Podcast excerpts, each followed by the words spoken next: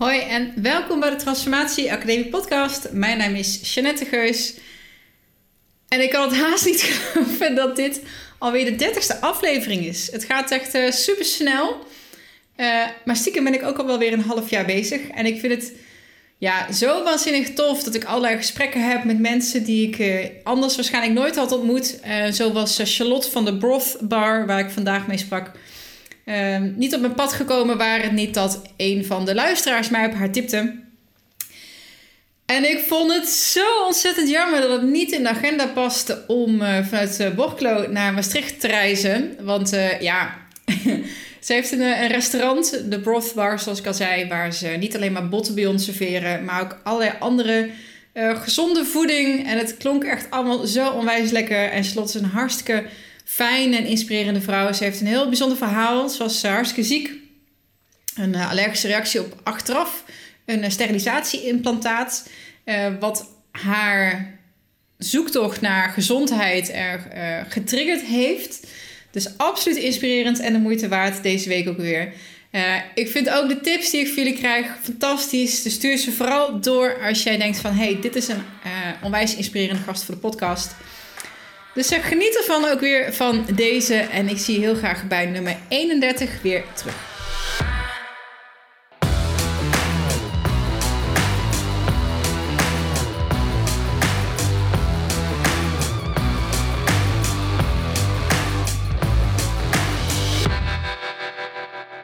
Voordat we naar de gast van deze week gaan, wil ik graag nog even onze sponsoren in het zonnetje zetten, want dat verdienen ze. En de eerste was Love Fit Food. En ben je nou op zoek naar een manier om ja, wat lekkerder in je vel te komen zitten, en eh, meer energie te hebben? Zijn er misschien ongemerkt wat kilootjes bijgeslopen die er weer af wil halen? Of heb je wat lichamelijke ongemakken, zoals een opgeblazen buik bijvoorbeeld, uh, waar je graag van af wil? Dan kan het heel erg zinvol zijn om eens een, een 30 dagen reboot te doen. En um, dat is wat de Fitfood 30 biedt. Dat is 30 dagen volgens de uh, Fitfood richtlijnen eten. En dat is 30 dagen vooral geen honger lijden. Uh, maar wel leren hoe je volwaardige maaltijden vast kan stellen. Waar alle voedingsstoffen in zitten die je nodig hebt. Waardoor je dus ook geen last meer hebt van uh, trek tussendoor of suikercravings. En ik weet echt dat er heel veel goeroes en programma's zijn. En dat iedereen zegt: uh, doe wat wij zeggen. En je zult het lichaam krijgen waar je van droomt. Weet je, ik geloof daar niet in. Waar ik in geloof is dat uh, ieder lijf is uniek. En iedere behoefte is uniek. En iedere doelstelling is uniek. En jij moet erachter zien te komen wat voor jou werkt. Um, en wat voor jou werkt, kijk, er zijn een aantal soort van basisrichtlijnen die, uh, die ik jou kan geven waarmee je kan starten. En waarmee je zelf kan gaan experimenteren. Wat werkt goed voor mijn lijf en wat niet. In de 30 dagen van de Fit Food 30 ga je bijvoorbeeld 30 dagen uh, geen suiker, geen lactose, geen zuivel uh, eten. En dat is niet omdat je nooit meer uh, kwark zou mogen eten of dat brood des duivels is. Maar zie het als een periode om erachter te komen wat voor jouw lijf werkt en wat voor jouw lijf niet werkt. Zoals een van onze deelnemers zei, hij zei: Ik verbaasde me echt over het effect wat dit op mijn lichaam had. En ik voel me zoveel beter. Mensen krijgen meer energie, zoals gezegd. Uh, komen lekkerder in hun vel te zitten. En het is dus niet iets wat je je hele leven strikt hoeft blijven doen, maar wel waar je je hele leven profijt van hebt. Nou, die Indie Vet voor 30 is dus 30 dagen. De totale begeleiding is 40 dagen. En als je voor de optie inclusief e-mailbegeleiding uh, gaat, krijg je niet alleen het e-book met daarin alle uh, stappen die je moet volgen, maar ook dagmenu's, recepten, uh, extra video's, uh, opdrachten. Um, je mag sowieso in de een besloten Facebookgroep, uh, waar mensen ook hun recepten en hun, hun vragen delen. En waar we een fulltime diëtiste hebben die jou ja, te woord staat met waar je dan ook maar op dat moment tegenaan loopt. Um, als luisteraar van de Transformatie Academie podcast krijg jij 10% korting op de toch al niet zo hele dure prijs. Want de uh, Fit for 30 inclusief die e-mailbegeleiding, die kost 47 euro. En als je gebruik maakt van de kortingscode transformatie bij het afrekenen, krijg jij 10% korting. Uh, we starten elke eerste maandag van de maand. En je kan je tot elke eerste, laatste donderdag van de maand kan je je daar dus voor aanmelden. Uh, we starten altijd op een maandag, maar de vrijdag, zaterdag, zondag daar voorafgaand krijg je extra tips en handvaten om je voor te bereiden. Want je gaat uiteraard niet zomaar in het diepe daarmee. Zoals de Fit 30. Uh, meer informatie vind je op www.fitfood30.nl. Het is absoluut de moeite waard, dus uh, neem zeker een kijkje. Dan wil ik het ook nog even over 12 waves hebben, want we kennen allemaal wel de, de inspirerende sprekers of de lezingen waar we heen gaan of de boeken die we lezen en denken, oh yes, dit is het helemaal. Nu heb ik helder uh, um, wat voor leven ik voor mezelf wil. En dan ben je helemaal excited en pumped en dan uh, ga je weer naar huis en maandag gaat gewoon weer de wekker, ga je aan het werk en van al die mooie plannen komt ja, vaak niet zo heel erg veel terecht. Nou, dat is ook de reden geweest uh, voor Michel Vos om 12 waves te gaan maken. En wat het is, het is een, een training, een programma wat verschillende aspecten combineert. Er zit een stukje uh, goal setting in, workflow, uh, time management, leadership, mindset, intervisie, allerlei componenten samengevoegd in één traject met als doel om niet alleen maar te dromen over wat voor leven je wil, maar het ook daadwerkelijk te manifesteren in de praktijk. Kijk, en dat bereik je niet door nog een keer naar een spreker te gaan en helemaal uh, excited te zijn. Ja, dat is leuk en het is ook belangrijk. Uh, maar je moet het ook gewoon uh, toe gaan passen. En hoe zorg je dan voor dat, ja, dat het in jouw agenda komt en dat het dus ook daadwerkelijk gebeurt? Nou, dat is wat 12 Waves doet. En dat is ook wat het voor mij heeft gedaan. Want de reden dat het een sponsor is van de podcast is omdat ik er zelf echt onwijs fan van ben. En niet alleen fan, maar ook dat het voor mij ja, alles waar ik nu sta, wat ik heb bereikt in de afgelopen eh, twee jaar, uh, komt grotendeels ook doordat ik die strategieën heb toegepast. Dus um, ja, ik vind het te gek. Ik hoop dat meer mensen leadership en ownership over hun eigen leven en over hun eigen dromen nemen en deze training gaan doen. En ook op deze training krijg je 10% korting. En dat kan je doen door naar een bepaalde website te gaan. Ga je naar www.12-waves.com en dan uh, slash TAP. En dat is van de Transformatie Academie podcast uiteraard. Dus eh, als je daarheen gaat naar 12-waves.com slash top, krijg je en je via uh, die pagina aanmeldt, krijg je 10% korting op de hele training. Nou, ja. vorige, keer, vorige keer als ik in Maastricht ben, kom ik gewoon gezellig bij jullie langs. Even wat, ja, leuk. wat drinken, want jeetje, wat bijzonder. Ja.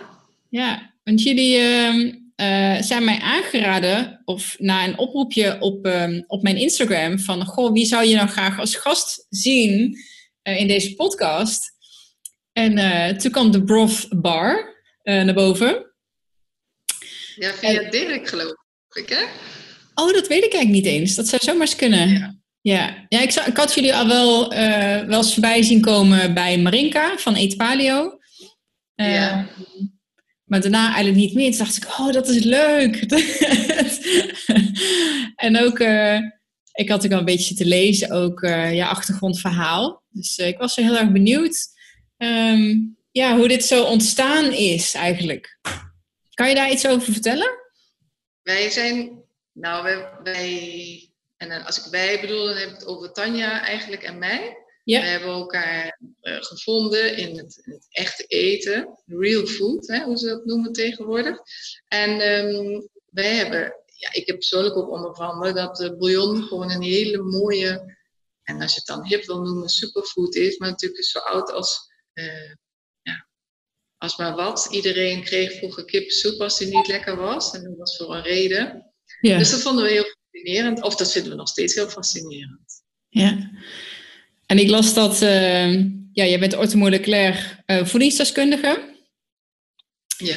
De meeste mensen die ik ken, die die opleiding volgen, en dat zijn er wel wat, die, die hebben daar ook een persoonlijke zoektocht aan vasthangen. Uh, kan je daar iets over vertellen in jouw geval? Ja, ik denk ook dat het heel mooi is. Ik denk dat mensen daardoor echt getriggerd worden in hun uh, zoektocht. Hmm. En dat zie ik ook bij de podcast die ik van jou heb bekeken, interviews die je met mensen hebt gehad. Het is altijd iets wat er in je leven gebeurt, wat je aanzet om weer iets anders te gaan doen. Misschien iets heel anders dan waar je ooit had gedacht te eindigen of wat je van plan was om te doen. Ja. En uh, ja, in mijn gezondheid kwam ook in beeld. Ik had een, um, achteraf blijkt, implantaat laten zetten, een sterilisatie-implantaat. Ja. En dat was minuten gewipt, letterlijk en figuurlijk. Dus ik huppelde ook na de ingreep weer naar buiten. En dat was dus een niet-operatieve sterilisatie. Dus dat was een heel mooi, nieuwe manier. Ehm, maar ik kreeg hele wazige gezondheidsklachten. En dat werd van kwaad tot erger. En toen dacht ik, nou, ik moet aan mijn gezondheid gaan werken. En toen eh, ben ik uh, online gaan zoeken, wat is gezonde voeding?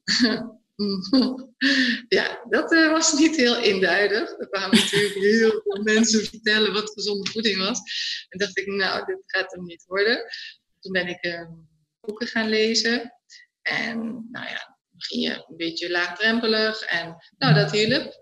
Je kon je, maar ik, ja, hoe meer je leest, hoe minder je weet op een gegeven moment. Dat idee had ik heel erg. Ja. En um, dacht ik, nou, ik ga maar gewoon me inschrijven voor studies, zodat ik dan tenminste meer grip krijg. Dus toen ben ik uh, met een basisstudie begonnen. Toen ben ik medische basiskennis gaan doen om dan toch te weten hoe werkt het lichaam, hoe functioneert, wat, wat is dan de invloed van de nieren op de bloeddruk. Hè? Dat is dan heel fascinerend gewoon. En je wilt dan ook steeds verder gaan. En toen ben ik, uh, mijn juffrouw van toen, die zei, nou, als je nog meer wilt weten, misschien is uh, orthomoleculair vlak heel mooi, want hè, je, je reguliere geneeskunde krijg je medicijnen aangeboden, wat dan de oplossing is, maar je weet dat het niet echt geneest. Hè. Je klachten, je komt wel van je klachten af, maar de, de oorzaak wordt niet erkend of herkend. Om even, paar, ja? om even een beeld van te krijgen, wat voor, uh, wat voor klachten had je? Ik was ontzettend allergisch geworden voor alles zo ongeveer. Ehm, en dat uitte zich, nou heb ik dat als kind ook al gehad, dus dat was mijn zwakke plek. Maar dit was ja, extreem. Ik had altijd jeuk, jeuk op mijn hele lichaam. Ik had het heel koud als ik iets at. Ik um, was doodmoe. Ik moest stoppen met werken op een gegeven moment. Terwijl ik, nou, zolang ik me kan herinneren, vanaf mijn zestiende altijd heb gewerkt. Ook in de horeca. Dus niet, ja, dat was helemaal niks voor mij. Ja. En uh, ja, dus dan begin je voeding te elimineren. Maar dat kun je dan ook weer niet zomaar doen, want dan ben je, ben je bang dat je tekorten krijgt. En het fascineerde me dat ik ook in de reguliere gezondheidszorg voor vastliep. Ja, ik, ik, ik kwam niet verder. Ik, ik kreeg steeds sterkere medicijnen aangeraden. Hmm. Maar dat, dat, haalde nog steeds niet de oorzaak weg. Dus die klachten die, die bleven. En ik kwam ook niet verder. Dat ook op een gegeven moment een dermatoloog zei, ja, ik weet niet meer wat ik voor je moet doen. Ja. Die crème gehad, die pilletjes gehad. Maar ja, ik gebruikte geen make-up meer. Ik gebruikte alleen nog maar wasmiddel zonder iets. Dus dat, mijn huishouden was helemaal clean. De voeding was clean. Iedereen was helemaal gezond in mijn omgeving en mijn gezin. En het ging mij gewoon steeds slechter. Dat was ook heel frustrerend. Ja.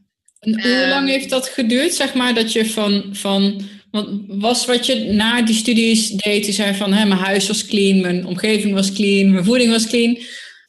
Hoe was die voorsituatie dan voor jou? Hoe zag dat eruit? Was dat gewoon een soort van standaard zoals de gemiddelde Nederlander zijn huishouden of voeding doet? Of was je daar altijd er wel bewust mee bezig? Ik dacht dan wel, maar nee, nee, nee. We, ja, we gingen gewoon naar de supermarkt en ik kocht kocht wel al wat biologisch, maar ik, heb me, ik had me nooit gerealiseerd hoeveel eh, toegevoegde middelen er in normaal eten zaten. Mhm. En als ik een stuk vlees kocht, dan probeer ik het wel biologisch. Maar omdat er dan biologisch op stond, keek ik nou niet van, zit er ook suiker in misschien? Dat had ik gewoon nooit gedacht, dat, dat, dat zoiets erin zat. Ja. Dus we aten redelijk regulier. We trokken ook rustig een zak chips op. Uh, ik dronk alcohol maakt niet uit wat voor alcohol. Dus ik was, nou, achteraf waren we niet, niet zeer bewust. Dacht het wel, maar dat was niet zo. Oké. Nou, en toen weet je dus en, uh, die klachten? Ja. Ja, en de, nou ja, goed, mijn leven stond gewoon stil. Hè? Als je niet meer kunt werken en je ook niks sociaals meer kunt afspreken, omdat als je uh, maar naar iets kijkt van voeding, dat je meteen weer jeuk krijgt, hele dikke ogen, letterlijk je gezicht, je, je gewoon, um, ja, weer ervan weerhoudt om de deur uit te gaan. Dan wordt je mm. wereld heel klein. En ehm, ehm, ook tijdens de opleiding kwam ik er verder niet achter. Ik heb wel, denk ik, zo ongeveer ieder supplement wat er bestaat uitgeprobeerd. Dus dat, dat was dan weer een goede. En achteraf vind ik het ook heel bijzonder dat het zo is gegaan. Want het heeft me heel veel gebracht. Mm. Dus ik ben die periode te zaak is wel heel dankbaar nu. Want anders was ik helemaal niet, niet psychisch en niet fysiek waar ik nu ben. Yeah. Nou ja, het heeft vijf jaar geduurd voordat ik erachter kwam dat het dus Assure was, want zo heet het implantaat. En dat was via een hele, ja, on, on, zo, was een hele kleine pagina op Facebook. En uh, die mevrouw zei van, uh, Assure, is that still on the market? En ik, hm? Hm? Oh, oké.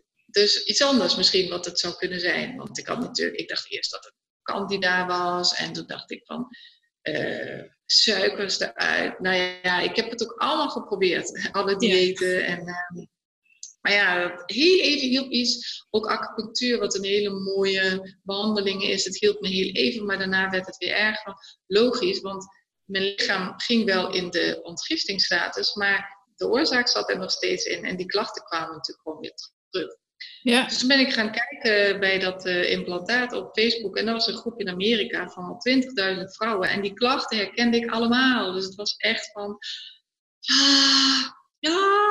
Dus ik zei tegen mijn man, ik zeg, ik heb het gevonden. En hij zei, ja, ik hoop het, schat, ik hoop het echt nu, hè, dat je het nu wel hebt gevonden. En um, nou, ja, dat was dan nog wel een dingetje om die weer te laten verwijderen. Want, dat, dat, dat heb je, daar heb je vijf jaar over gedaan. Dus vijf jaar nadat je het implantaat hebt laten zetten, uh, kwam het, de, het aha-moment van dit is het. Want ik, ik, ken dat implantaat niet. Want, uh, hoe, wat is dat en hoe, hoe werkt dat dan? Dat, nou, dat, dat werkt op dit moment. Het is dus uh, afgelopen juli is het verboden in de hele EU. Oh joh. ja, en het jaar daarvoor in Nederland en in Finland. Dus we hebben daar wel heel hard aan getrokken om dat om dat onder de aandacht te brengen. Dat er zoveel vrouwen zo'n heel brede range aan klachten ook van kregen. Van, van, van zenuwpijnen tot uh, auto-immuunziektes tot uh, allergieën. Heel breed spectrum. Um, uh, nou, dat, dat, het implantaat werd vaginaal ingezet in je eileiders gezet. je moet je voorstellen dat het een soort bokkeltje was. Met hele scherpe randen. En dat veroorzaakte littekenweefsel in de eileider, waardoor de eileider dichtgroeide. Oké. Klinkt uh, dus eigenlijk... bruut als, als je het zo omschrijft, denk ik. ja, ja, ja. Zo werd het in de folder ook niet direct gezet, maar het feit was wel dat je geblokt was eigenlijk. Ja. Zonder dat je een operatie moest ondergaan, want de ingreep heeft bij mij vijf minuten geduurd. Oké. Dus je kwam in de welbekende stoel van de vrouwen te liggen en uh, ging een cameraatje in je baarmoeder naar het ene zwarte gaatje van de eileider en daar werd die ingeduwd. En de andere uh, eileider en ja, tjak tjak, mevrouw, u kunt weer naar buiten. Wauw, oké. Ja, dat dacht ik ook, wauw. ja. Nou ja, goed, uh, het resultaat was alleen dat in dat implantaat zat onder andere Nico roestvrij staal. En um, ja, ik had een ordinaire nikkelallergie. Alleen die was inmiddels systemisch geworden en uh, de ontsteking bleef ook. Dus het littekenweefsel was wel geplaatst, maar de ontsteking die ging verder. En die uitte zich in uh, hele nu typische klachten, maar toen voor mij atypische klachten en ook voor de dermatoloog waar ik bijvoorbeeld naartoe ging. Ik heb het wel eens gevraagd. Ik zeg, goh, ik heb dit implantaat. Kan het zijn dat het daarmee te maken heeft? Nee, nee, nee, mevrouwtje, dat kan niet, want dat is goed getest voordat het is geplaatst. Ja. Wauw. Ja. En toen kwam je erachter uh, dat het dat misschien kon zijn. Hoe, hoe was, dat? Bijna niks anders meer. Dat was, uh, ja, Eureka. Oh ja, nou kan ik er echt iets aan doen. Hè? Nou kan ik... Uh, dus toen ben ik teruggegaan naar de gynaecoloog die me heeft geplaatst. En uh, nou, die heeft me de tent uitgegooid. Want die zei dat kan niet. En u weet toch dat het voor altijd erin zit. Het kan er nooit meer uit. Dus koepel maar op. Ja, toen ben ik verder gaan zoeken naar een gynaecoloog. En er was er eentje in Utrecht. En hij is ook gepromoveerd op de Ashore. Dat was echt zijn kindje. Maar hij stond wel open voor, ehm, voor mij, voor mijn hulpvraag. Ja. En ehm, ja, toen is er een beerput eigenlijk open gegaan. Nadat uh, ik bij hem ben geweest. We een Facebookgroep hebben geopend.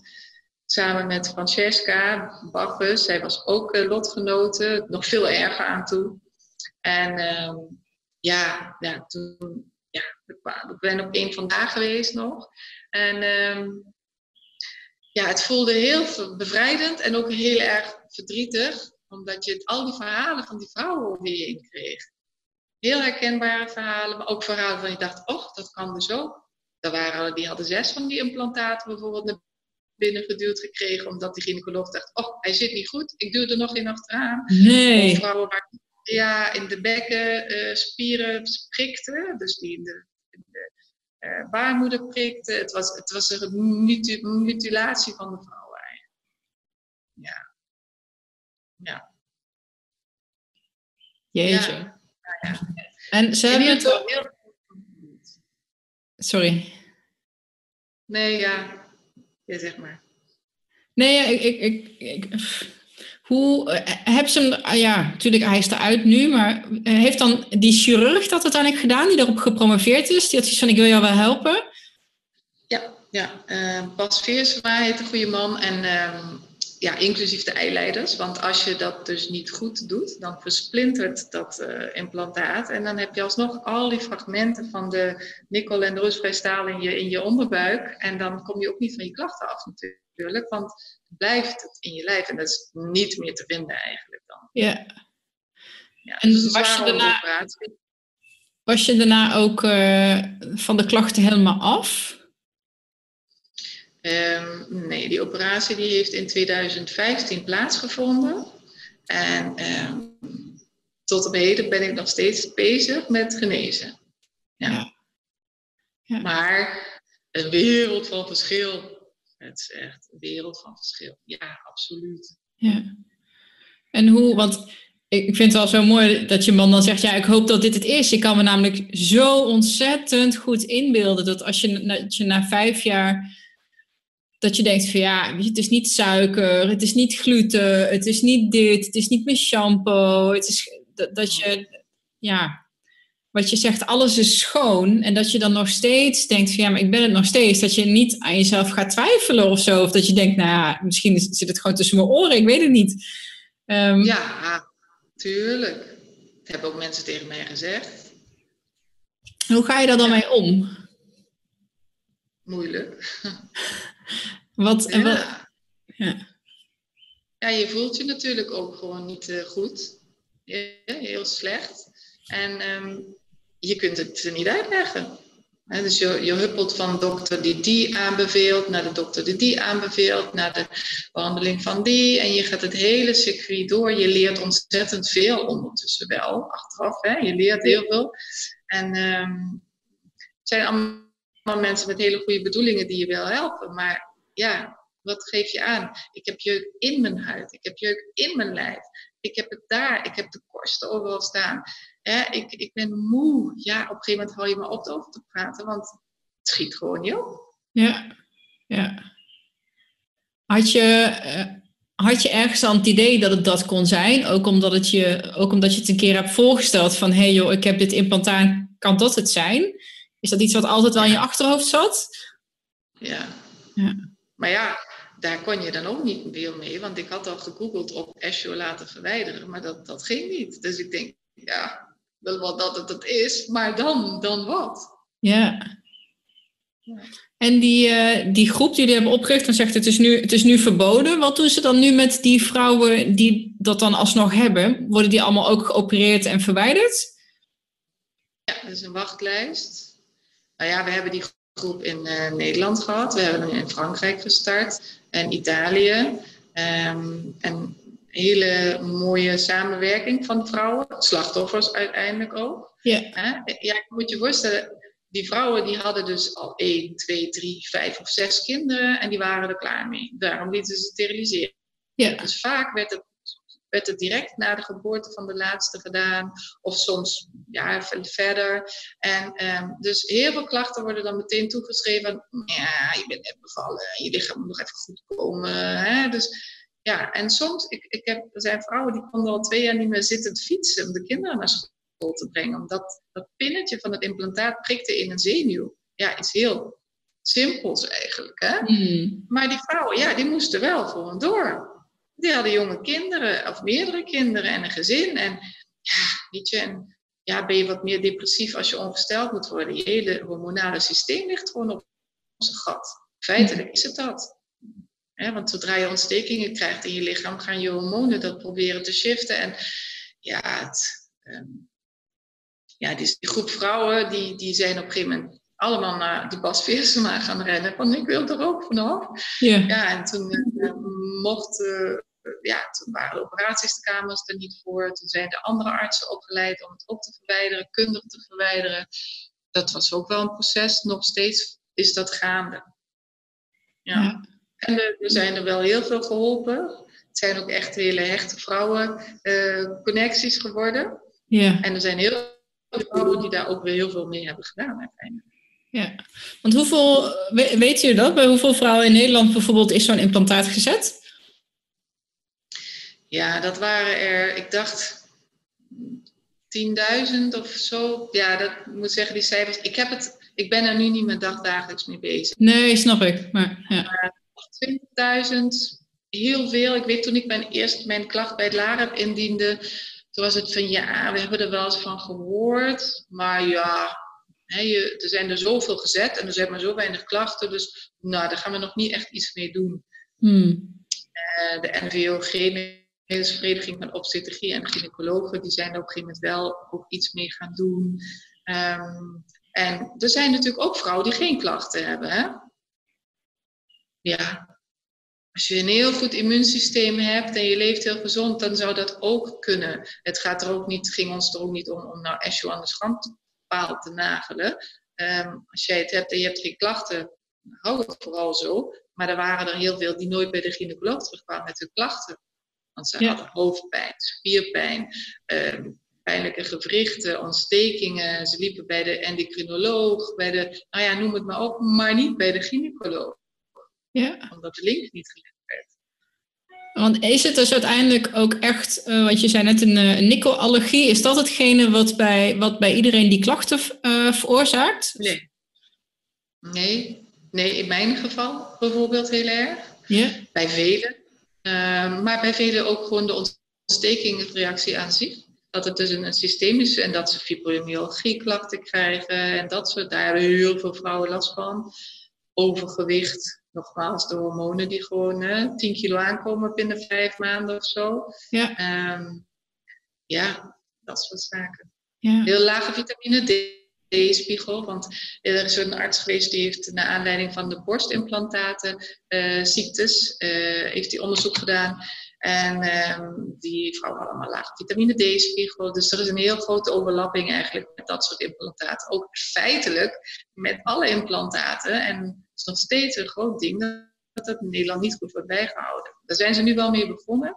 Maar um, stel dat ik ooit een nieuwe knie zou nodig hebben of heup, dan zou dat zeker niks met staal moeten worden, want dat zou ik helemaal niet kunnen verdragen. Ja, ja ik vind het echt uh, verbazingwekkend dat dat. Uh, dat ze dan ook zeggen van nee, er is, dat is getest. Nou. Terwijl zoiets, nou ja, het lijkt me niet dat het niet voorkomt, een nikkelallergie bijvoorbeeld. Of dat, dat het risico op ontstekingen, ja, dat klinkt niet echt als iets heel erg far-fetched. Ehm, als ik dat zo hoor. Ik ben natuurlijk een enorme leek. Maar denk ik, jezus, wat bizar eigenlijk wat... Uh, ja, dat, dat zoiets dan nog wel op de markt is of zo. Ja. Nou ja, we hebben toen die uitzending gezien van Antoinette Hertzberg, die de sinaasappelnetjes uh, heeft laten goedkeuren in Ierland. Hè, voor die, het is toch een heel veel gedoe van die vrouwen die baarmoeder netjes laten plant, implanten. Mm. Uh, dat het zo vreselijke verzakkingen geeft en dat het helemaal ingegroeid is. En zij hebben toen een sinaasappelnetje laten goedkeuren. Bij oh. Zembla is die uit, uit, eh, uit, uitzending geweest. Oh, dat ken ik niet, maar ik ga het even opschrijven, ik ga het opzoeken. Ja. Dus de, de goedkeuring, de CE-keurmerk, zou ik maar zeggen. Ja. Nou niet iets waar ik ehm, enig vertrouwen in meer zou hebben. Ja. Nee, het is eigenlijk gewoon een kwestie van geld. Ja. Ah, je, je zet me wel aan het denken hoor.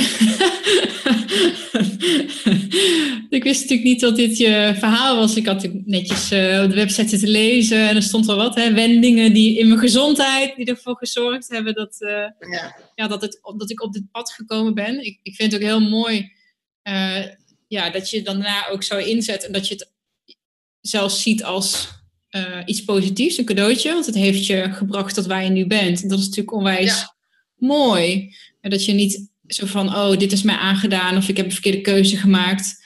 Um, um, dat je juist heel actief inzet en ook met die gezonde voeding ook graag andere mensen wil bereiken. Uh, ja, ik heb, even kijken, twee jaar geleden een borst, nee, drie, tweeënhalf jaar geleden een borstvergroting uh, laten doen. Um, en dan hoor ik jou zo praten over implantaten en zo, en over die goedkeuren. En denk ik, dan ga ik echt zo. oh, paniek. nou, dat zou ik vooral niet doen, want ik ben er ook van. Gelukkig geen metaal. Nee, nee. En je bent, uh, je bent een gezonde jonge vrouw, je bent je heel erg bewust van je gezondheid. Ja. Um, misschien als ik op dat moment uh, heel, heel gezond was geweest, dat ik daar ook niet op had gereageerd. Hè? Ja. Ondertussen heb ik heel veel geleerd over de, uh, de, het belang van de gezonde darm. Ja. En dat dat, dat, dat zo ja, dat was voor mij ook, GAPS was voor mij een heel groot pad. Uh, ik had een, um, oh, sorry, ik klik je even weg. Ja. Uh, de, het boek van um, Natasha Campbell McBride heeft uh, mij heel veel geleerd over de, de, darm en hoe het werkt en de gezondheid daarvan. Ja. Um, dus als jij, daar, als jij goed luistert naar je lichaam, en dat is iets wat ik daardoor ja. pas ben gaan doen.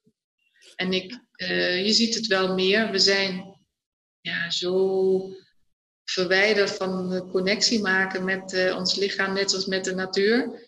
En dat klinkt misschien heel erg hoe, maar ik bedoel, melk staat in de koelkast of melk staat in de supermarkt in het rek. Er is niemand die een koe gaat melken. En er zijn ook echt mensen die dat, die dat helemaal niet, die die connectie helemaal niet zien. Dus met het vlees en met de groenten die je eet, ja, je pikt het uh, uit het schap.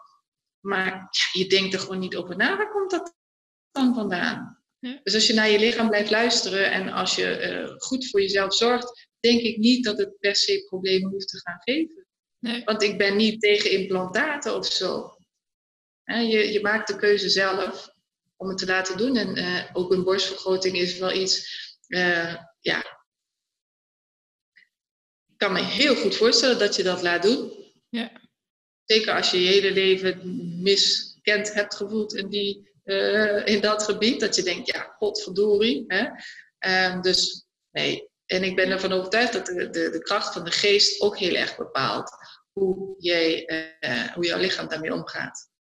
Ik, ik, ik ben helemaal gefascineerd door Dr. Molenburg. Ik weet niet of je hem kent. Nee, Hans Molenburg. Is een, uh, een huisarts. Die man is denk ik nu 394.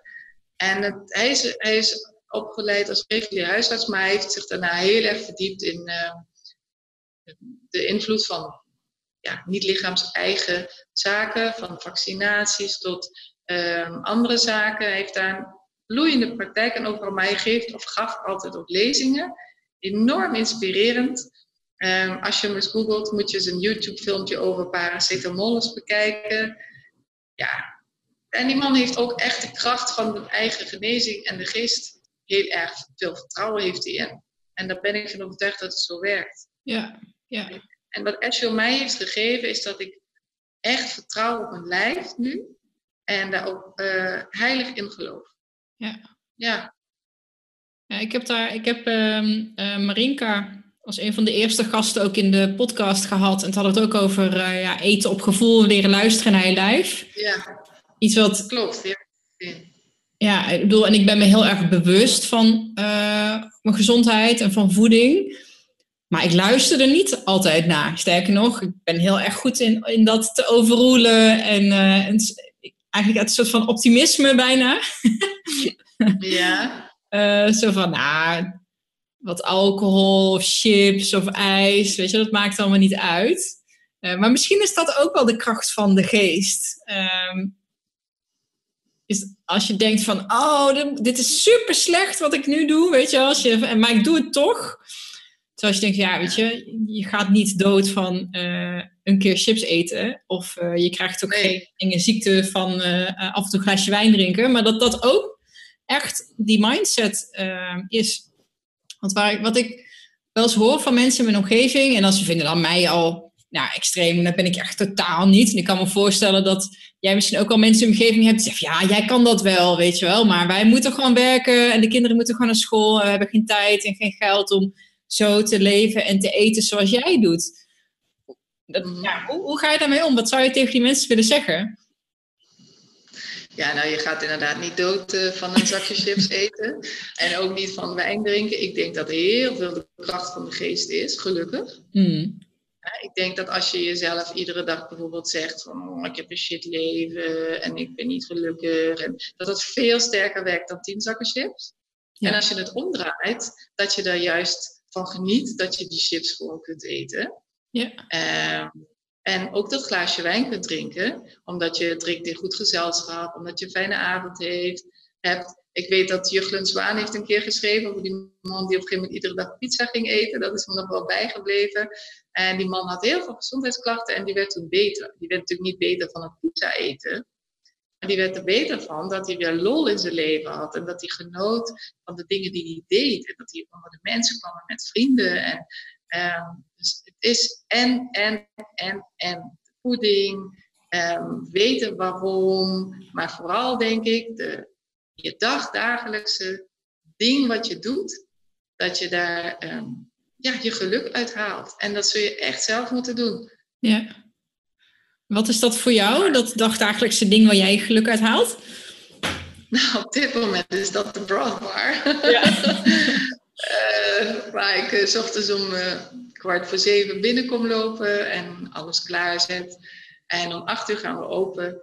En dan um, zei nog tegen Tanja van de week, we zijn zo verwend met de gasten die we ontvangen mogen, die zo blij zijn dat ze bij ons dat stukje helemaal los kunnen laten. Hè? Dus de mensen die dan hier bewust binnenkomen, maar ook zelfs onbewust, dat ze gewoon niet weten ja, waar ze binnenkomen. Dat ze, oh, oh is het allemaal glutenvrij? Oh, wat fijn! Dat gebak, echt, echt.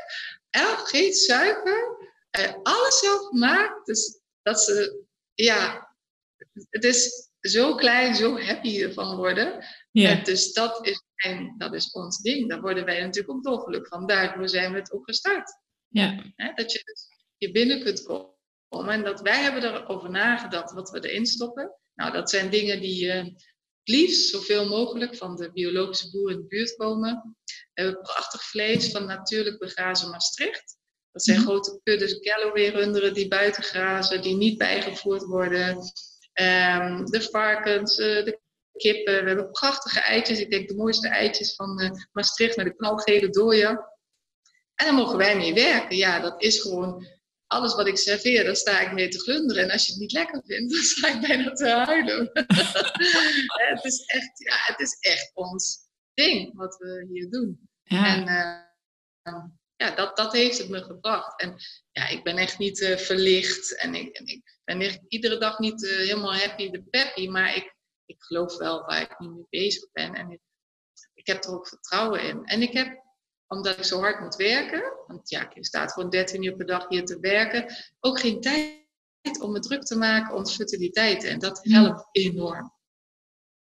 Ja, dan sla je denk ik wel de spijker, uh, spijker op zijn kop ook wel als het gaat over mindset. Want Weet je, je, je hoofd gaat gewoon continu op zoek naar, naar vooral naar info over dat jij misschien een gevaar bent of het niet goed doet, want daar is ons hoofd gewoon voor gemaakt, zeg maar. Uh, anders kunnen we niet overleven. Dat is continu aan het scannen van, oh, oh weet je wel, gevaar, red flags. En uh, op het moment dat je je hoofd kan focussen op iets, nou, je hebt een prachtige zaak met een hele mooie missie, lijkt me. Mm. dat dat heel erg je mindset shift, zeg maar. Ondanks het feit dat het heel hard werk is. Ja, ik, ik, kan het heel, ik snap het helemaal, ja. Ja.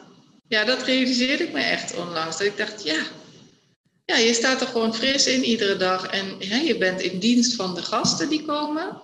Dat maakt je ook meteen een beetje zo van even hè, terug op de plek. Zonder dat je daardoor minder bent. Maar het is heel fijn. Je maakt het anderen naar de zin zonder dat je hun iets op moet uh, leggen. Want daarom hebben we het ook een restaurant gemaakt. Van, nou, je bent welkom als je het wilt. En als je het niet wilt, dan hoef je hier niet te zijn. Dan hoef je hier niet te komen. Ja. Dus je mag hè, komen. En wij mogen jou dan bedienen. En um, ja, dus het is ongedwongen sfeer van beide kanten. Ja, het is heel mooi. Want was dat ook iets waar je bijvoorbeeld tegenaan liep in je omgeving? Dat mensen zouden van, uh, ja, ik vind het te extreem. Of, uh, of dat mensen het niet willen horen. Uh, als, als, je ze bijvoorbeeld aansprak van, hé, hey, misschien moet je niet elke dag pizza eten. ja, ik moet lachen, omdat ik nu, elke keer als ik dat nu zeg, moet ik nu natuurlijk aan dat experiment van die man denken. dat kan ik niet meer gebruiken. Ja. Ja. Ja, nou, um, nee, ik heb op een gegeven moment ook losgelaten om mensen uh, advies te geven. Hmm. Ik, had een, ik heb tijdelijk een praktijk gehad, praktijk aan huis, omdat ik dat kon combineren met de dagen dat ik me goed voelde.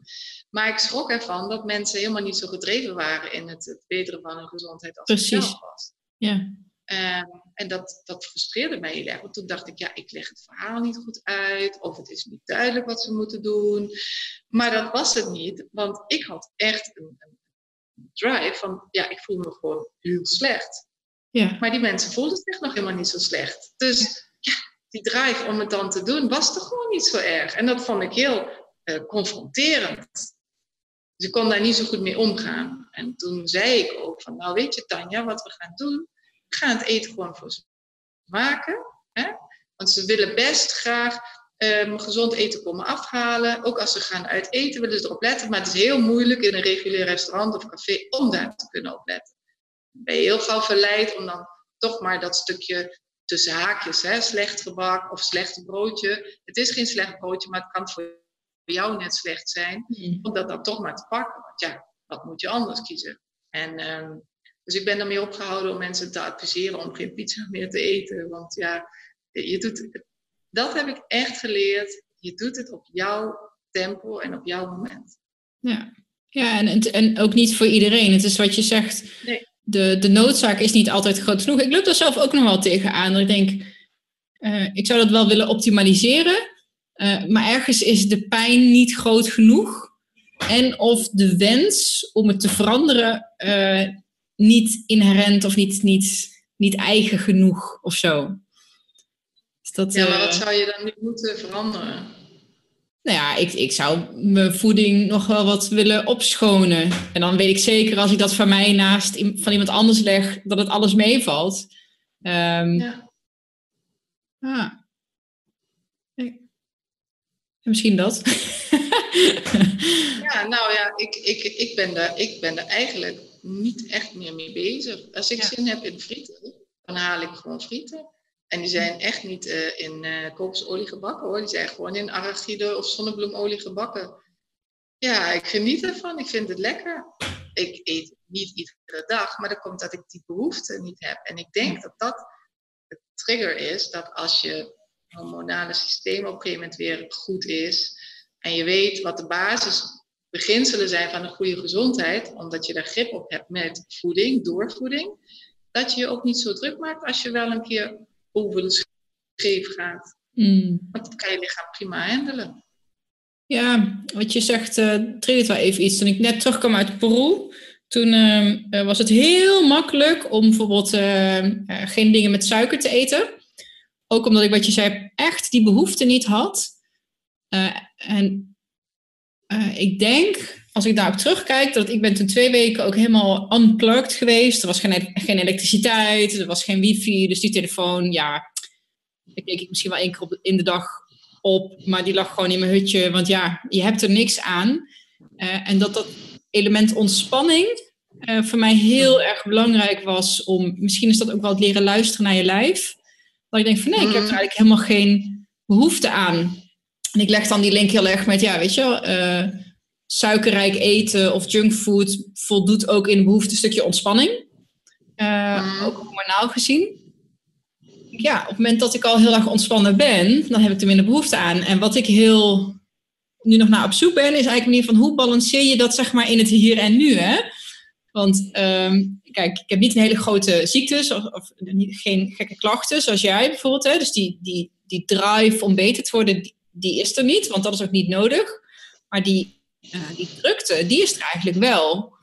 En je wil dat ook. Het is best wel moeilijk om dat te, te balanceren, omdat voeding zo'n directe primaire ingang is om te ontspannen. Kijk maar naar baby's. Wat, wat geef je een baby om, zodat hij zich gelukkig en blij uh, voelt? Ja, de borst. Ja, ja. ja, ja. ja het, het, is en blijft een, een uitdaging. Maar jij zegt ook, je maakt dagen van 13 uur. Hoe, hoe, hoe past dat hier in jouw verhaal? Dus het feit dat je uh, ja, wel gewoon een heel druk en hectisch leven hebt. Nou ja, ik ben super blij dat ik het überhaupt kan. Want dat was mijn grote angst. We zijn uh, eind september vorig jaar open gegaan. En ik dacht vooral, oh, als ik dit maar trek, als ik dit maar trek. Ja. Want ja, hè, je hebt eigenlijk niet tegen iedereen verteld wat je had. Het is niet iets wat ik... Het is ook niet mijn verhaal. Hè. Ik heb het gehad en ik heb er iets mee gedaan. En nu ben ik gewoon weer Charlotte zonder, zonder Ashore, zeg maar. En, uh, dus ja, niemand wist hoe erg ik eraan toe was geweest. En um, dat vond ik ook best wel spannend. Ik dacht, ja, als ik over drie maanden weer in de lappenmand lig, dan heb ik een vet probleem, ook financieel gezien. Ja. Maar dat, dat um, ja, dat is gewoon niet gebeurd. En het gaat eigenlijk steeds beter met me. Dus uh, hard, hard, werken kill, doesn't kill you. Maar uh, in dit geval is het echt een soort, ja. Ja, en nog, ik om over na te denken. Want mensen zeggen wel ja, hoe vind je het nou? En is het niet te zwaar? En dan denk ik, ja, weet je, ik heb een lening. Ik heb hier een rete mooi pand met een schitterend interieur. We hebben personeel, ik heb verplichtingen. Ik kan er gewoon niet bij stilstaan of ik het leuk vind of niet. Ja, ik vind het eigenlijk heel leuk. En nou vond ik het niet leuk, ja, ik zou toch door moeten gaan. Ja, want waar kwam die keuze? Want het is ja, best wel een bijzonder concept. Hè? Een, een ja, de broth bar, dus een plek waar je bottenbouillon uh, kan kopen. Plus dan nog andere snacks en broodjes. Nou, broodjes dan uh, denk ik niet, maar wel snacks en lunch um, um, ja. maaltijden. Waar, waar, komt dat idee vandaan om, om juist voor bottenbouillon te gaan? Ja, dat is omdat het zo'n makkelijk toegankelijk uh, voedsel is, wat zoveel kan betekenen voor een verzwakt lichaam. Want je zegt voeding is zo slecht. Maar ja, je gaf ook al aan als je je telefoon niet gebruikt en er is geen straling en er is geen wifi-netwerk en uh, de lucht is zuiverder. Die zal in Peru heus wel eens schoner zijn geweest dan bijvoorbeeld hier in Maastricht. Um, ja, dat zijn allemaal stressfactoren voor je lichaam. Daar heb je heel weinig invloed op. Of je moet gaan stoppen met ademen. Maar ja, dat is dan ook niet de oplossing. Dus, de, um, ultieme, is de ultieme oplossing, hè? ja, is de ultieme oplossing. Ja, dus bouillon was een soort uh, stapel voor ons. Van daar, hè, daar, het is zo makkelijk om het te maken. Het is uh, mogelijk nu met alle mooie bedrijven die uh, botten aanbieden van grasgevoerde dieren. Je haalt er alles uit. Um, laten we daarmee beginnen. En wat gaan we dan nog meer doen? Nou, ja. We hebben, um, zijn, Tanja en ik zijn allebei lid van Western Price. En um, uh, we hebben daar prachtige receptenboeken van Sally Fallon ook. Met zo heerlijk ouderwetse gerechten. Ik kan niet anders noemen. En dat is ook, ook wat heel veel gasten hier opmerken. Oh, gehaktbal, lekker. Met aardappelen en jus. Ja, neem vooral die jus. Hè? Die is goed voor je. Oh ja, dus dat, dat hebben we. En um, daar zijn Tanja en ik ook allebei dol op. Dat heb ik altijd lekker gevonden. Tot de periode dat iedereen zei: Oh nee, je moet dat vet niet eten. Daar word je echt heel erg dik van. En dat dat nu gewoon mag. En dan geniet je daar ook zo van. Dus we maken stoofpotten op basis van de bouillon. Maar we maken ook salades. We kopen wel dan gerookte wilde rauwe zalm in, hè, bij de biologische groothandel. Um, en we werken nu met asperges uit Maastricht maken we asperges gewoon met een aardappeltje en jus en zelfgebraden ham. Ja, goddelijk. Dus het is heel breed, maar heel toegankelijk eten. Dus het is nou niet dat we um, ja, heel vreemd restaurant zijn. Alleen, we zijn anders. En ik denk dat we er nooit zo bij stil hebben gestaan dat we een concept hebben neergezet of zo. We hebben gewoon heel, erg van onszelf gedacht. Gelukkig maar, misschien was het heel erg naïef, misschien was het heel erg bleut. Ehm, maar we hebben nooit gedacht, oh god, wat zullen ze wel er niet van denken dat we het doen. Want dit was gewoon wat we wilden gaan doen. En we wilden dat zonder eten en drinken gaan verkopen. we fermenteren al heel veel. Tanja die fermenteert alles. Van, van waterkefir tot kombucha, van groenten tot fruit, uh, uien, nou ja, noem het maar op. En iedere dag vinden ze wel weer iets anders geks. En dat geven we ook bij het eten altijd. En we schenken geen wijn, maar we schenken bubbelende waterkefir. Um, ja, dat is inderdaad heel anders. En dat behoeft ook enige uitleg. Dat hebben we ook gemerkt. Hè? Dat ik daarom uit de keuken de bediening ben ingerold. Om dat ook aan uit te leggen aan tafel. Zonder dat je nou de leermeester bent. Maar gewoon, oké, dat is dat. En eh, als ze vragen waar is het goed voor, dan kun je het uitleggen. Maar als ze het gewoon willen proeven, is het ook goed. Ja. Maar ze kunnen ook omgekeerd binnenkomen en zeggen van, nou, ik mag geen lactose. En uh, ja, dan kan ik jou zeggen wat je kunt eten bij ons. Want we maken het allemaal zelf. En kan je uitleggen, want ik heb toevallig een, eh, een um, potje bottenbouillon in de vriezer staan, omdat ik uh, van, via de woeste grond heb ik dat besteld. Nou, dat is helemaal aan de andere kant van Nederland, want die zit helemaal in het noorden. Ja. ja. en ik was er nog aan het bedenken van, wat zal ik daar eens mee gaan doen? Want ik heb dat gewoon eens uh, besteld, ook om te, om te gaan testen. Nou, volgens mij ben ik wel bij jou aan het juiste adres. om te vragen wat ik daarmee moet doen. Want dat kan je gewoon drinken, toch? Ehm, waar, waar, wat was dan de trigger voor jou om het te bestellen? Wat nou, was ik, je ik heb, ja, en dat is ook wel een beetje mijn valkuil, denk ik. Ik ben echt zo'n in, informatie-junkie. Dus ik heb heel veel... Uh, ik weet, zeg maar, waar Bottebion uh, goed voor is. Maar ik uh, doe er niks mee met, die, met dat stukje kennis. Ik heb één keer zelf bouillon volgens mij gemaakt. En daar heb ik toen soep van gemaakt. Maar goed, en ik, heb, en ik heb een slow cooker, dus het is niet dat het, dat het heel erg ingewikkeld is. Maar ja, gemak dient de mens. Ik denk, nou, ik kan het dan bestellen. En het is, uh, denk ik, 5 euro of zo voor, uh, voor een half liter, denk ik. Weet ik eigenlijk niet. Ach, nou, dan bestel je dat en dan ga ik dat opwarmen of soep van maken. Of als basis ergens uh, voor gebruiken. Dus ik weet dat het goed is, maar ergens heb ik dan ook een drempel om het dan zelf te gaan maken. Ik denk dat, dat, dat jullie dat waarschijnlijk wel vaker horen van mensen die denken, ja, ik heb er wel eens van gehoord, ik weet het goed voor me is, maar het, is nog, het zit nog niet in mijn standaard systeem van de gerechten die ik maak of uh, wat ik lekker vind. Nee, ja, dat komt natuurlijk ook omdat het, um, hè, en dat realiseren we ons ook. Mensen hebben gewoon ander werk, andere banen. Dat gaf je zelf net ook aan. En sommige mensen hebben niet de gelegenheid om uh, de hele dag te gaan kokkerellen, want die zijn advocaat of uh, niet uit, ja. op. Um, dus die, en als je, dat is wel iets wat we merken, wat ik ook zeg, we, zijn zo, we staan zo ver af van de voeding. Zonder een pakje kruidenmix, hoe maak je dan eigenlijk spaghetti? Hè? Dus dat is het, het jammere. En dat is het geld hetzelfde dus voor bouillon maken. Van ja, maar oké, dan heb ik die botten en dan heb ik die sloopkoeken. En dan Hè? Oh, moet dat twee dagen laten opstaan? Ja, hallo, ik moet morgen wel gewoon naar mijn werk. Dus de, ehm, wat je vroeger van je oma meekreeg of van je moeder, ja, dat is er niet meer. En dus ook niet de zelfverzekerdheid om die keuken in te duiken en dat soort dingen te maken. Ja. Nou ja, dat is prima, want we hebben ook al die andere mensen nodig die ander werk doen. Want als iedereen wat te maken, dan ja. Um, en, daarom denken wij, nou, dan hebben wij de grote ketels hier staan in de keuken waarmee wij het dan maken. En um, op je vraag terugkomen, waar is het dan, waar is het dan goed voor? Nou, dat, dat weet je ook, hè? dat kun je ook zo googlen, waar is botbroer. Ik krijg het, maar wat denk ik het makkelijkste te onthouden is ook, als je lichaam, er zijn instanties die geven aan dat je zes keer per dag moet eten bijvoorbeeld, hè? om je bloedsuikerspiegel stabiel te houden.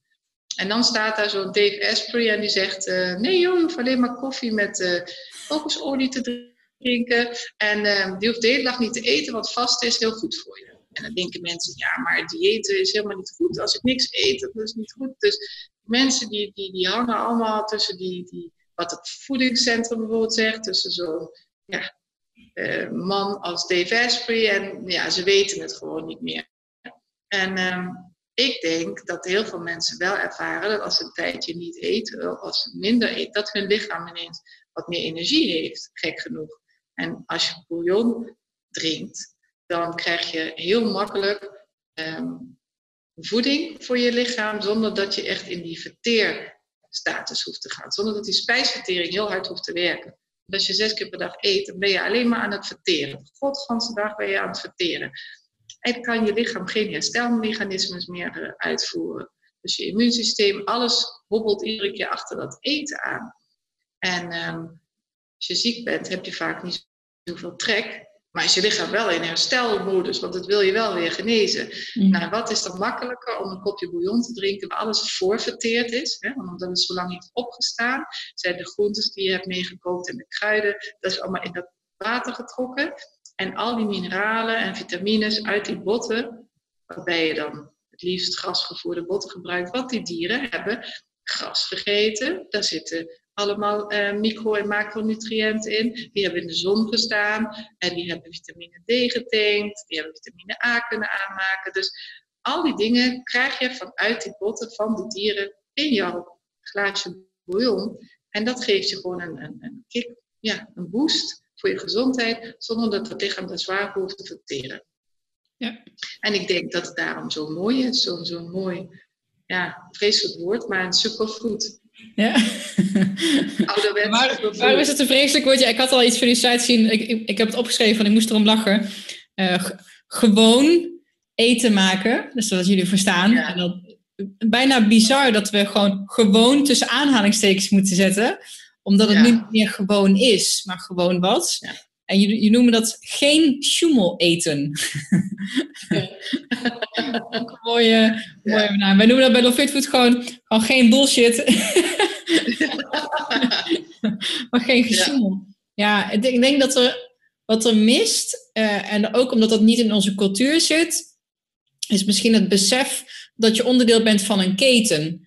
Dat het niet is van ik eet een stuk vlees, maar dat dat stuk vlees was ooit iets anders. En dat iets anders heeft ook omstandigheden gehad die wel of niet goed uh, waren. Waardoor er dus die vitamine A, dus, waar je zei, of andere uh, micro- en macronutriënten. Het is allemaal een, een keten. En we zijn daar heel erg van losgesneden. Ook omdat we dat helemaal niet meekrijgen of meemaken. En um, ja, ik vind het heel. Uh, uh, je, je kan het ook heel spiritueel, zeg maar, benaderen. Want hè, het is een stukje.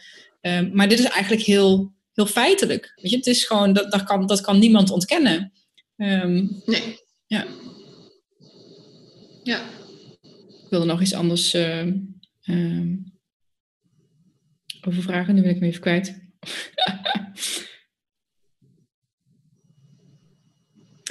oh ja, je zei dat, um, dat zei je in het begin.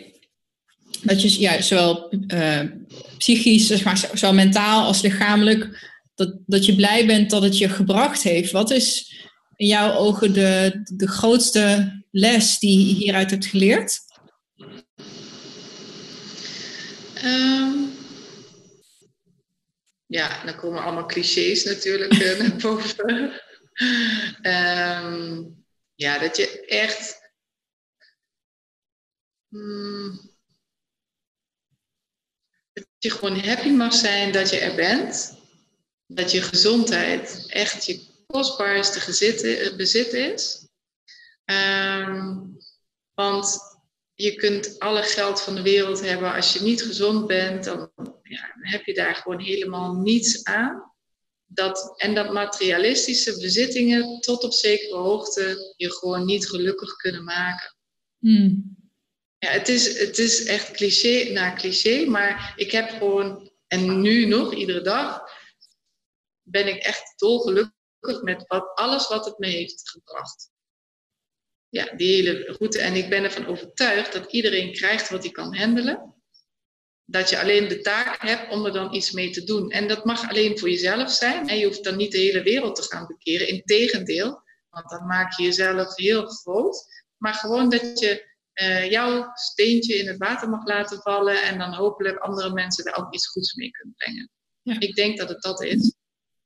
Ja, supermooi. Zijn er bepaalde uh, leraren of, of boeken uh, die jou ook hebben ondersteund in dit ja, proces? Als het dan gaat over die ehm. mindset bijvoorbeeld? Um, nou, ik heb vooral heel veel boeken gelezen over de, de gezondheid en de werking van het lichaam. Um, nee, niet wat betreft de mindset. Of uh, ja, dokter Hans Molenburg wel, omdat ik dat gewoon een heel mooi mens vind van zichzelf. Um, Tanja, mijn vriendin en collega, waar we nog. Uh, het is heel fijn om met iemand ja, dat je ook grapjes maakt over hoe mensen eten of zo, zonder dat je de mensen daarmee minder maakt, maar gewoon dat je snapt wat de ander bedoelt. Ja. En dat we heel veel gasten krijgen die diezelfde grapjes ook snappen. Ja. Uh, maar wat ik ook mooi vind, is dat ik mensen zoals jou, mensen zoals Marinka, mensen zoals uh, Richard de Let, hè, dat we die nu mogen uh, ontmoeten en dat ieder vol met passie zijn eigen ding deelt. Ja. Want ik denk dat je door het delen, dat je ermee verder komt. Als je allemaal op je eigen eilandje blijft zitten, dan. Hè, ons huis staat letterlijk open en we vinden het zo leuk om te zien dat die verbindingen uh, zijn tussen andere mensen weer. En dat je elkaar daarmee versterkt. Want ja, het is natuurlijk allemaal heel mooi, maar we vechten toch wel tegen uh, een bepaalde kracht, geld, macht, die daar niet verder interesse in heeft dat we allemaal heel erg gezond zijn. Hmm geen alihoedjes denken, dat is gewoon een feit. Er zijn mensen die maken voeding in een fabriek en het laatste wat ze boeit is of het goed is voor je lijf. Wat vind jij ervan dat bijvoorbeeld ook uh, marketingtechnisch nu ook een beetje wordt, nou niet een beetje, dat er wordt ingespeeld op, uh, ik moet even kijken of ik een goed voorbeeld kan uh, bedenken. Wat zag ik nou laatst in de supermarkt? Want ik denk wel dat, we, dat, eh, dat, het, dat het kantelt en dat, het, dat mensen zich meer bewust zijn. Maar dan zie je, net als dat ze in de jaren 50 dachten van, oh, vet is slecht. En dat vervolgens de hele marketing, of de hele voedingsmiddelenindustrie vetvrije dingen gaat produceren. Nu is het dan weer andersom. En dan is het bijvoorbeeld, uh, uh, nou, het makkelijkste voorbeeld is dan dat alles in één keer met speld is. Want, oh, want uh, graanbuiken, granen zijn niet goed voor je, dus dan gaan we over op speld. Um, of uh, suikervrij. Maar als je dan bijvoorbeeld de verpakkingen leest, denk je, ja, er zit 5% spelt in. Voor de rest is het nog precies hetzelfde product. Of ja, oké, er zit er geen toegevoegde suiker in. Maar uh, weet je, dus dat dan toch die voedingsmiddelenindustrie soort van inspeelt op het feit dat mensen zo van uh, aan de oppervlakte denken dat ze goed bezig zijn. Maar dat eigenlijk de producten nog steeds niet, ja, niet zijn wat je wilt dat ze zijn. Of, of zie je dat anders? Ik ben misschien een beetje pessimistisch. Dat, uh, nee, nee, nee, ik, vind dat, ik vind dat geniaal hoe die marketing uh, werkt. Ik vind ook dat, denk ik, hè, als je de margarine met kokosolie ziet staan, dan denk ja. ik, ja, dan moet Ja, zoiets. Ja, ik vind het dan geniaal, want ze weten waar de consument behoefte aan heeft, wat de consument wil.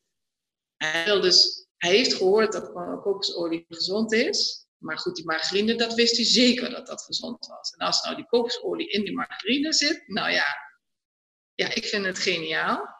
Maar ik denk dat het hele simpel is. Geproduceerd voedsel is geen voedsel, punt. Dus ja, of er nou een, een boertje op staat of een visser, die daar heel uh, prachtig met een netje uh, zalm aan het vissen is. Of uh, inderdaad een vrouwtje in Italië die de sauzen van een mooi Italiaans merk aan het maken is. Nou ja, het is gewoon bullshit bestaat gewoon niet. Hoe meer reclame ervoor gemaakt wordt, hoe shitter het product waarschijnlijk is. Ik, uh, uh, ja, ik, ik, kijk, ik kijk geen televisies. Dus gelukkig uh, sla ik heel veel reclames over. Ik had laatst, laatst wel weer een keer de alle handen meegenomen. Want uh, ik vind dat daar gewoon echt hele lekkere recepten altijd in staan. En toen stond ja. ook een heel item in over... Um, is kant-en-klaar nu echt zo slecht als dat wij denken? En dat dan... Um, dat ze dan een paar van die kant-en-klaar dingen van de Albert Heijn onder de loep namen. Zo van, nou, maar eigenlijk zitten er helemaal niet zo slechte dingen in. Dus, dus ze zijn er wel, denk ik ook, de, de gezonde kant-en-klaar opties. Maar er staat tegenover nog zo'n groot shitload aan crappy food in de, in de supermarkt. Um, ja, maar ik zie het wel echt veranderen.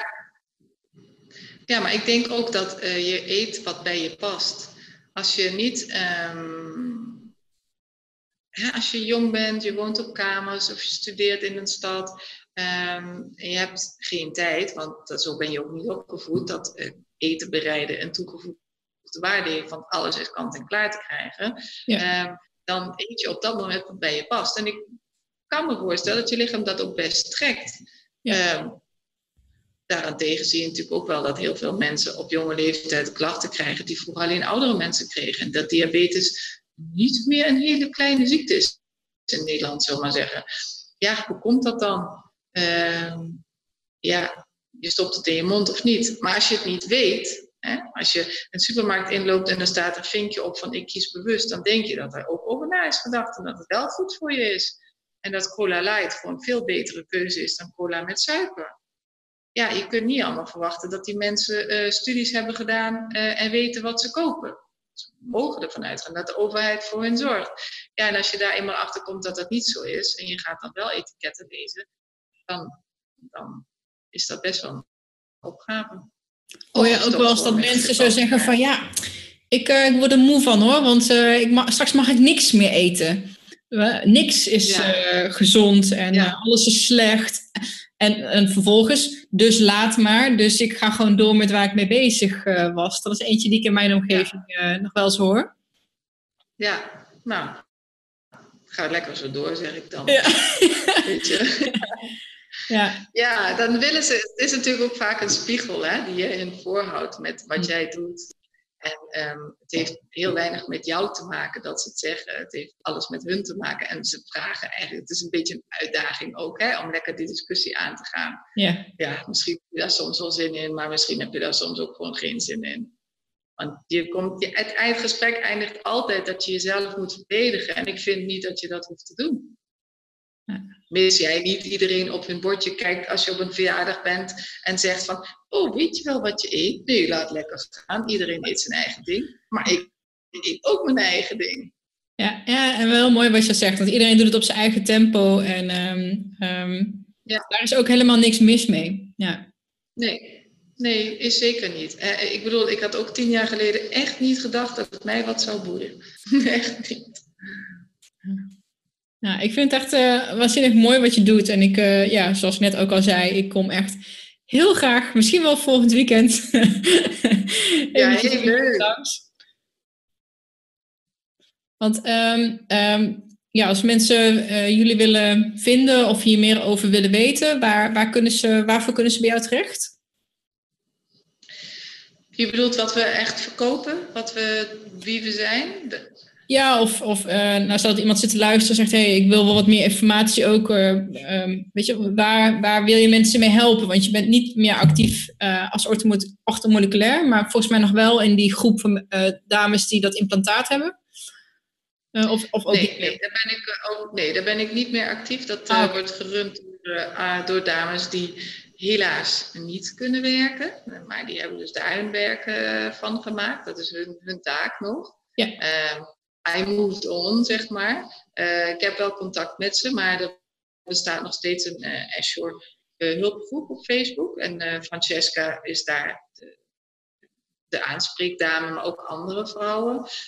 wat de Broadbar betreft, um, wij zijn een, een, dagzaak, restaurant in Maastricht, door de week geopend van 8 tot 6. En in het weekend van 9 tot 5. Je kunt bij ons terecht voor een lekker kopje koffie, voor verse thee, voor thee uh, met smaakjes, koffie met smaakjes voor waterkefir, kombucha. We maken gerechten van pannenkoekjes tot uh, heerlijke taarten en gebak, stoofpotten, noem maar op. We zijn gewoon een normaal restaurant waar je van alles kunt eten.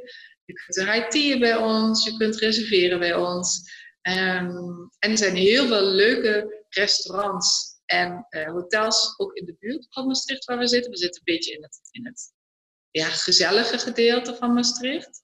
Niet de, de, de grootwinkelketensbuurt, maar echt meer de struinbuurt met hele bijzondere winkeltjes. Wiek is gewoon echt een, een blooming uh, gedeelte van Maastricht. En we zitten vlakbij het station. Fantastisch. Geen uh, plannen voor franchise-ondernemingen of meerdere, meerdere vestigingen? Daar ben ik nu niet, daar zijn we nu niet. Nee, we hebben heel veel geleerd het afgelopen half jaar. Van het idealisme zijn we in het realisme terechtgekomen.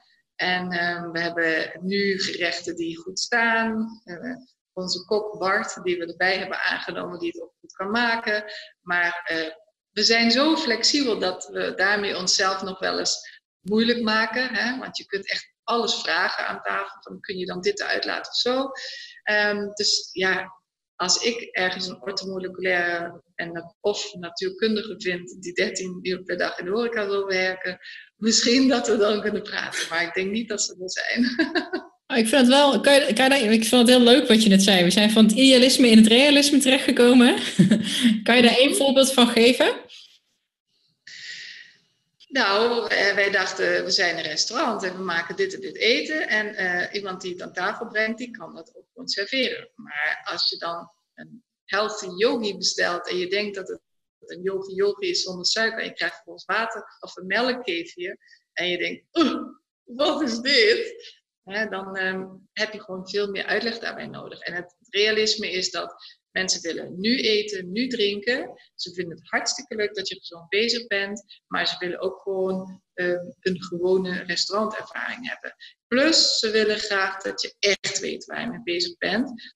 Nou ja, dat, dat is zo. Maar ze hoeven dat niet, uh, niet, niet, niet overal te lezen. We hadden een hele uitgebreide menukaart met veel informatie. Dat hebben we nu niet meer. Want als ze willen weten, dan lezen ze het wel op de website. Hmm. Ehm, eh, de gerechten waren veel te bewerkelijk en dat was helemaal niet te doen. Dus dat zijn de dingetjes die je leert. En nu groeien we gewoon langzaam in ons jasje en dat is echt heel fijn. Ja, ja. ja ik kan me heel goed, uh, goed voorstellen hoe zo'n proces, uh, hoe zo'n proces gaat. ik stond, ja. het was inmiddels twee jaar geleden volgens mij, had ik met Maaike, die ik mocht bij de, de Albert Heijn, waar ik al mijn ingrediënten eigenlijk had gekocht voor de kookboeken die we maakten uh, mochten mensen wat dingen laten proeven. Dus wij dachten, nou, we maken een uh, fitfood shake. Hadden we een shake, die Green Goddess. Ik denk, die is heel toegankelijk. Die is heel lekker. Het is gewoon een groene smoothie, zeg maar. Maar dan met uh, als volwaardige maaltijd. Dus er zaten ook eiwitten in en vetten en koolhydraten. En dan groenten. Met appel en kokoswater. Nou ja, en dan sta je dus bij de, de, Albert Heijn, de Albert Heijn XL. Nou, dat is dan redelijk, weet je, het is niet dat je bij een Aldi of een Lidl staat, dus je zit in een bepaald segment van de bevolking. En tot op de dag, we hebben er van de week nog grapjes over gemaakt. Zo van, weet je nog, toen we daar stonden met die, met die groene smoothies om te laten proeven. Ja, dat er, dat er echt mensen het niet snappen. Oh, het is groen, dat vind ik niet lekker. En uh, dat, dat wij daar met onze hè, idealen stonden. Zo van, ja, maar dit, dit kent iedereen. Dit is heel toegankelijk. Dat je het ook echt uit moet leggen. En dat mensen aan de smaak moeten wennen misschien. Ik weet het niet. Maar uh, ja. ja. daar hebben we ons echt op verkeken. Op, op um, wat voor ons ja, normaal is. En, en wat mensen normaal vinden. En dat iets wat groen is... Nou, dat is... Uh, dat, is veel te gezond. Doe ik niet aan. ja, dat is, dat, dat is precies, ja. Nou, dan heb je het aan de lijf ondervonden, inderdaad. Ja, ja, ja dat was uh, dus, dus ja, hulde in het feit dat dat in een restaurantvorm en dat het gewoon, uh, dat je de manier hebt gevonden waarop het werkt. Ja, of het gaat werken. Nou ja, tot nu toe doet het het. Maar um, ik weet ook niet waar we over twee jaar zullen staan. Ja. Geen idee. Het blijft nog wel iedere dag spannend. Ja. Nou, ik hoop dat uh, deze podcast daar in ieder geval een steentje aan mag uh, bijdragen. Ja. En dat ja, mensen de weg naar Maastricht weten te vinden of als ze in de buurt zijn, gezellig eventjes langskomen. Ik kan in ieder geval niet wachten. Ja. Dus ja, dank je wel ook. Heel leuk om je te mogen ontvangen. Heel erg bedankt voor deze kans. En heel veel sterkte op volgende week. Ja, dankjewel. Ja. We gaan dus 24 uur vasten trouwens. Oh, dat wilde ik jou nog vragen. Dat is, oh, sorry. Ja. Als je nog heel eventjes hebt. Ik weet niet of je er iets van uh, weet. Uh, ook omdat je het had over, wat wilde ik net vragen, dat was ik kwijt. Over uh, af en toe even niet eten. Dus je, spijsvertering, je spijsverteringsgestel eventjes rust geven. Dat dat heel goed is. Um, mm -hmm. Ik heb me ook best wel toen de tijd heel erg ingelezen op intermittent fasting. Dus mm -hmm de uren waarbinnen je eet verkleinen, zodat je dus langer niet eet. Ja. Ik kwam toen ook wel wat uh, info tegen. Het is allemaal geschreven en onderzocht door mannen. En ik kwam wel tegen dat voor een vrouwenlichaam en een vrouwenhormoonhuishouding, dat daar soms vraagtekens bij werden gezet van of intermittent fasting voor dames wel zo uh, goed is als voor heren.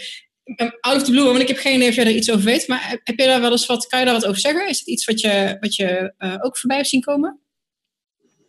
Ja, ik heb ook gezien hè, dat uh, de Bulletproof Coffee vooral voor vrouwen ehm, wel wat belangrijker is dan voor mannen. Dat het, het, echt niks eten voor vrouwen moeilijker is. Nou ja, ik heb het zelf aan de lijve ondervonden. En voor mij heeft het heel veel gedaan, het vasten. En dat kwam gewoon omdat we hier toen open gingen, dat het nog geen tijd was. Ik heb echt denk ik een maand lang niet of nauwelijks gegeten. En het heeft mij enorm geholpen. Ik heb het van tevoren deed ik het al. Maar toen had ik dan, als ik had heel veel vet en weinig koolhydraten. En ik merkte dat ik dan koolhydraten nodig heb. Als je zegt wat is het verschil tussen man en vrouw, merk ik dat de vrouw vaak toch wel, en zeker ik ben bijna 50, koolhydraten nodig heeft. En ik kan echt niet, uh, ik kan niet puur op vetenergie uh, gaan. Dan is mijn hormonale systeem echt helemaal van de Dus ik eet wel rijst, ik eet ook een aardappeltje, ik eet ook trouwens brood thuis. Dan wel goed gefermenteerd brood. dat is ook omdat ik het lekkerder vind. Ik haal niet zo'n klein hap uit de supermarkt, maar Um, dus intermittent fasting he, doet voor mij best veel. Maar wat ik daardoor vooral heb losgelaten is het, oh, het is 12 uur, ik moet lunchen. Oh, het is ontbijt, dus ik moet ontbijten. Dus ik heb daar vooral uitgehaald, ik eet gewoon wanneer ik trek heb. En als ik geen trek heb, dan eet ik niet. En als ik heel veel honger heb, nou, dan eet ik heel veel. Uh, dus ik ben veel minder met eten bezig. Dat heeft het mij gebracht. Ja, ja mooi. ik ben heel benieuwd. We gaan dus... Uh, 24 uur uh, komend weekend uh, op de Hoge Kempen zitten met onze Vision Quest. Tegen de tijd dat deze online komt, is je dus al geweest. Dus dan hebben we 24 uur. onderdeel van de Vision Quest is ook niet eten. Dus 24 uur vasten. Ja, ja. En ik weet nog dat toen dat vorig jaar deed, dat heel veel, of in ieder geval best een aantal van de deelnemers daar een beetje tegen opzagen. Van oh jee, en dan ga ik crashen of heel veel honger hebben of me niet goed voelen. Nou, en iedereen is dat echt uh, super simpel eigenlijk er doorheen gerold. Uh, ook, ja, weet je, ons lichamen zijn er gewoon voor gemaakt. Dat kunnen, kunnen we echt wel aan. Ja, ja. ja. Daar ben ik van overtuigd. Ja. Ja, een stukje mindset ook van oh, het, het, idee dat je niet kan eten. Terwijl als je er gewoon van tevoren weet van hé, ik ga gewoon een dag niet eten, punt. Nou, dan ga je gewoon een dag niet eten. En dan hoef je er ook niet over na te denken van oh, zou ik nou toch iets eten? Nee. Eh, nee, het is ook zo. Ja. En de mensen die op een Vision Quest gaan, die komen niet zo uit Albert Heijn gehuppeld en die gaan eens even een Vision Quest doen. Die zijn er ook spiritueel mee bezig natuurlijk. Ja. Ja, die gaan er ook bewust uh, zitten omdat ze ja, de conversatie met zichzelf aan willen gaan en gewoon eens even bij zichzelf in willen checken. Ja, waar je vaak eigenlijk gewoon niet aan toe komt, omdat ja, er gewoon zoveel te doen is. Ja, ja, ja zeker. Nou, heel leuk dat je ons hiervoor hebt uitgenodigd. Graag gedaan. Hartstikke bedankt. En uh, Graag uh, ja, ik uh, heel veel succes. ja, dankjewel Jeannette. Leuk om je keer te zien in Maastricht. Ja. En tot ziens. Doei.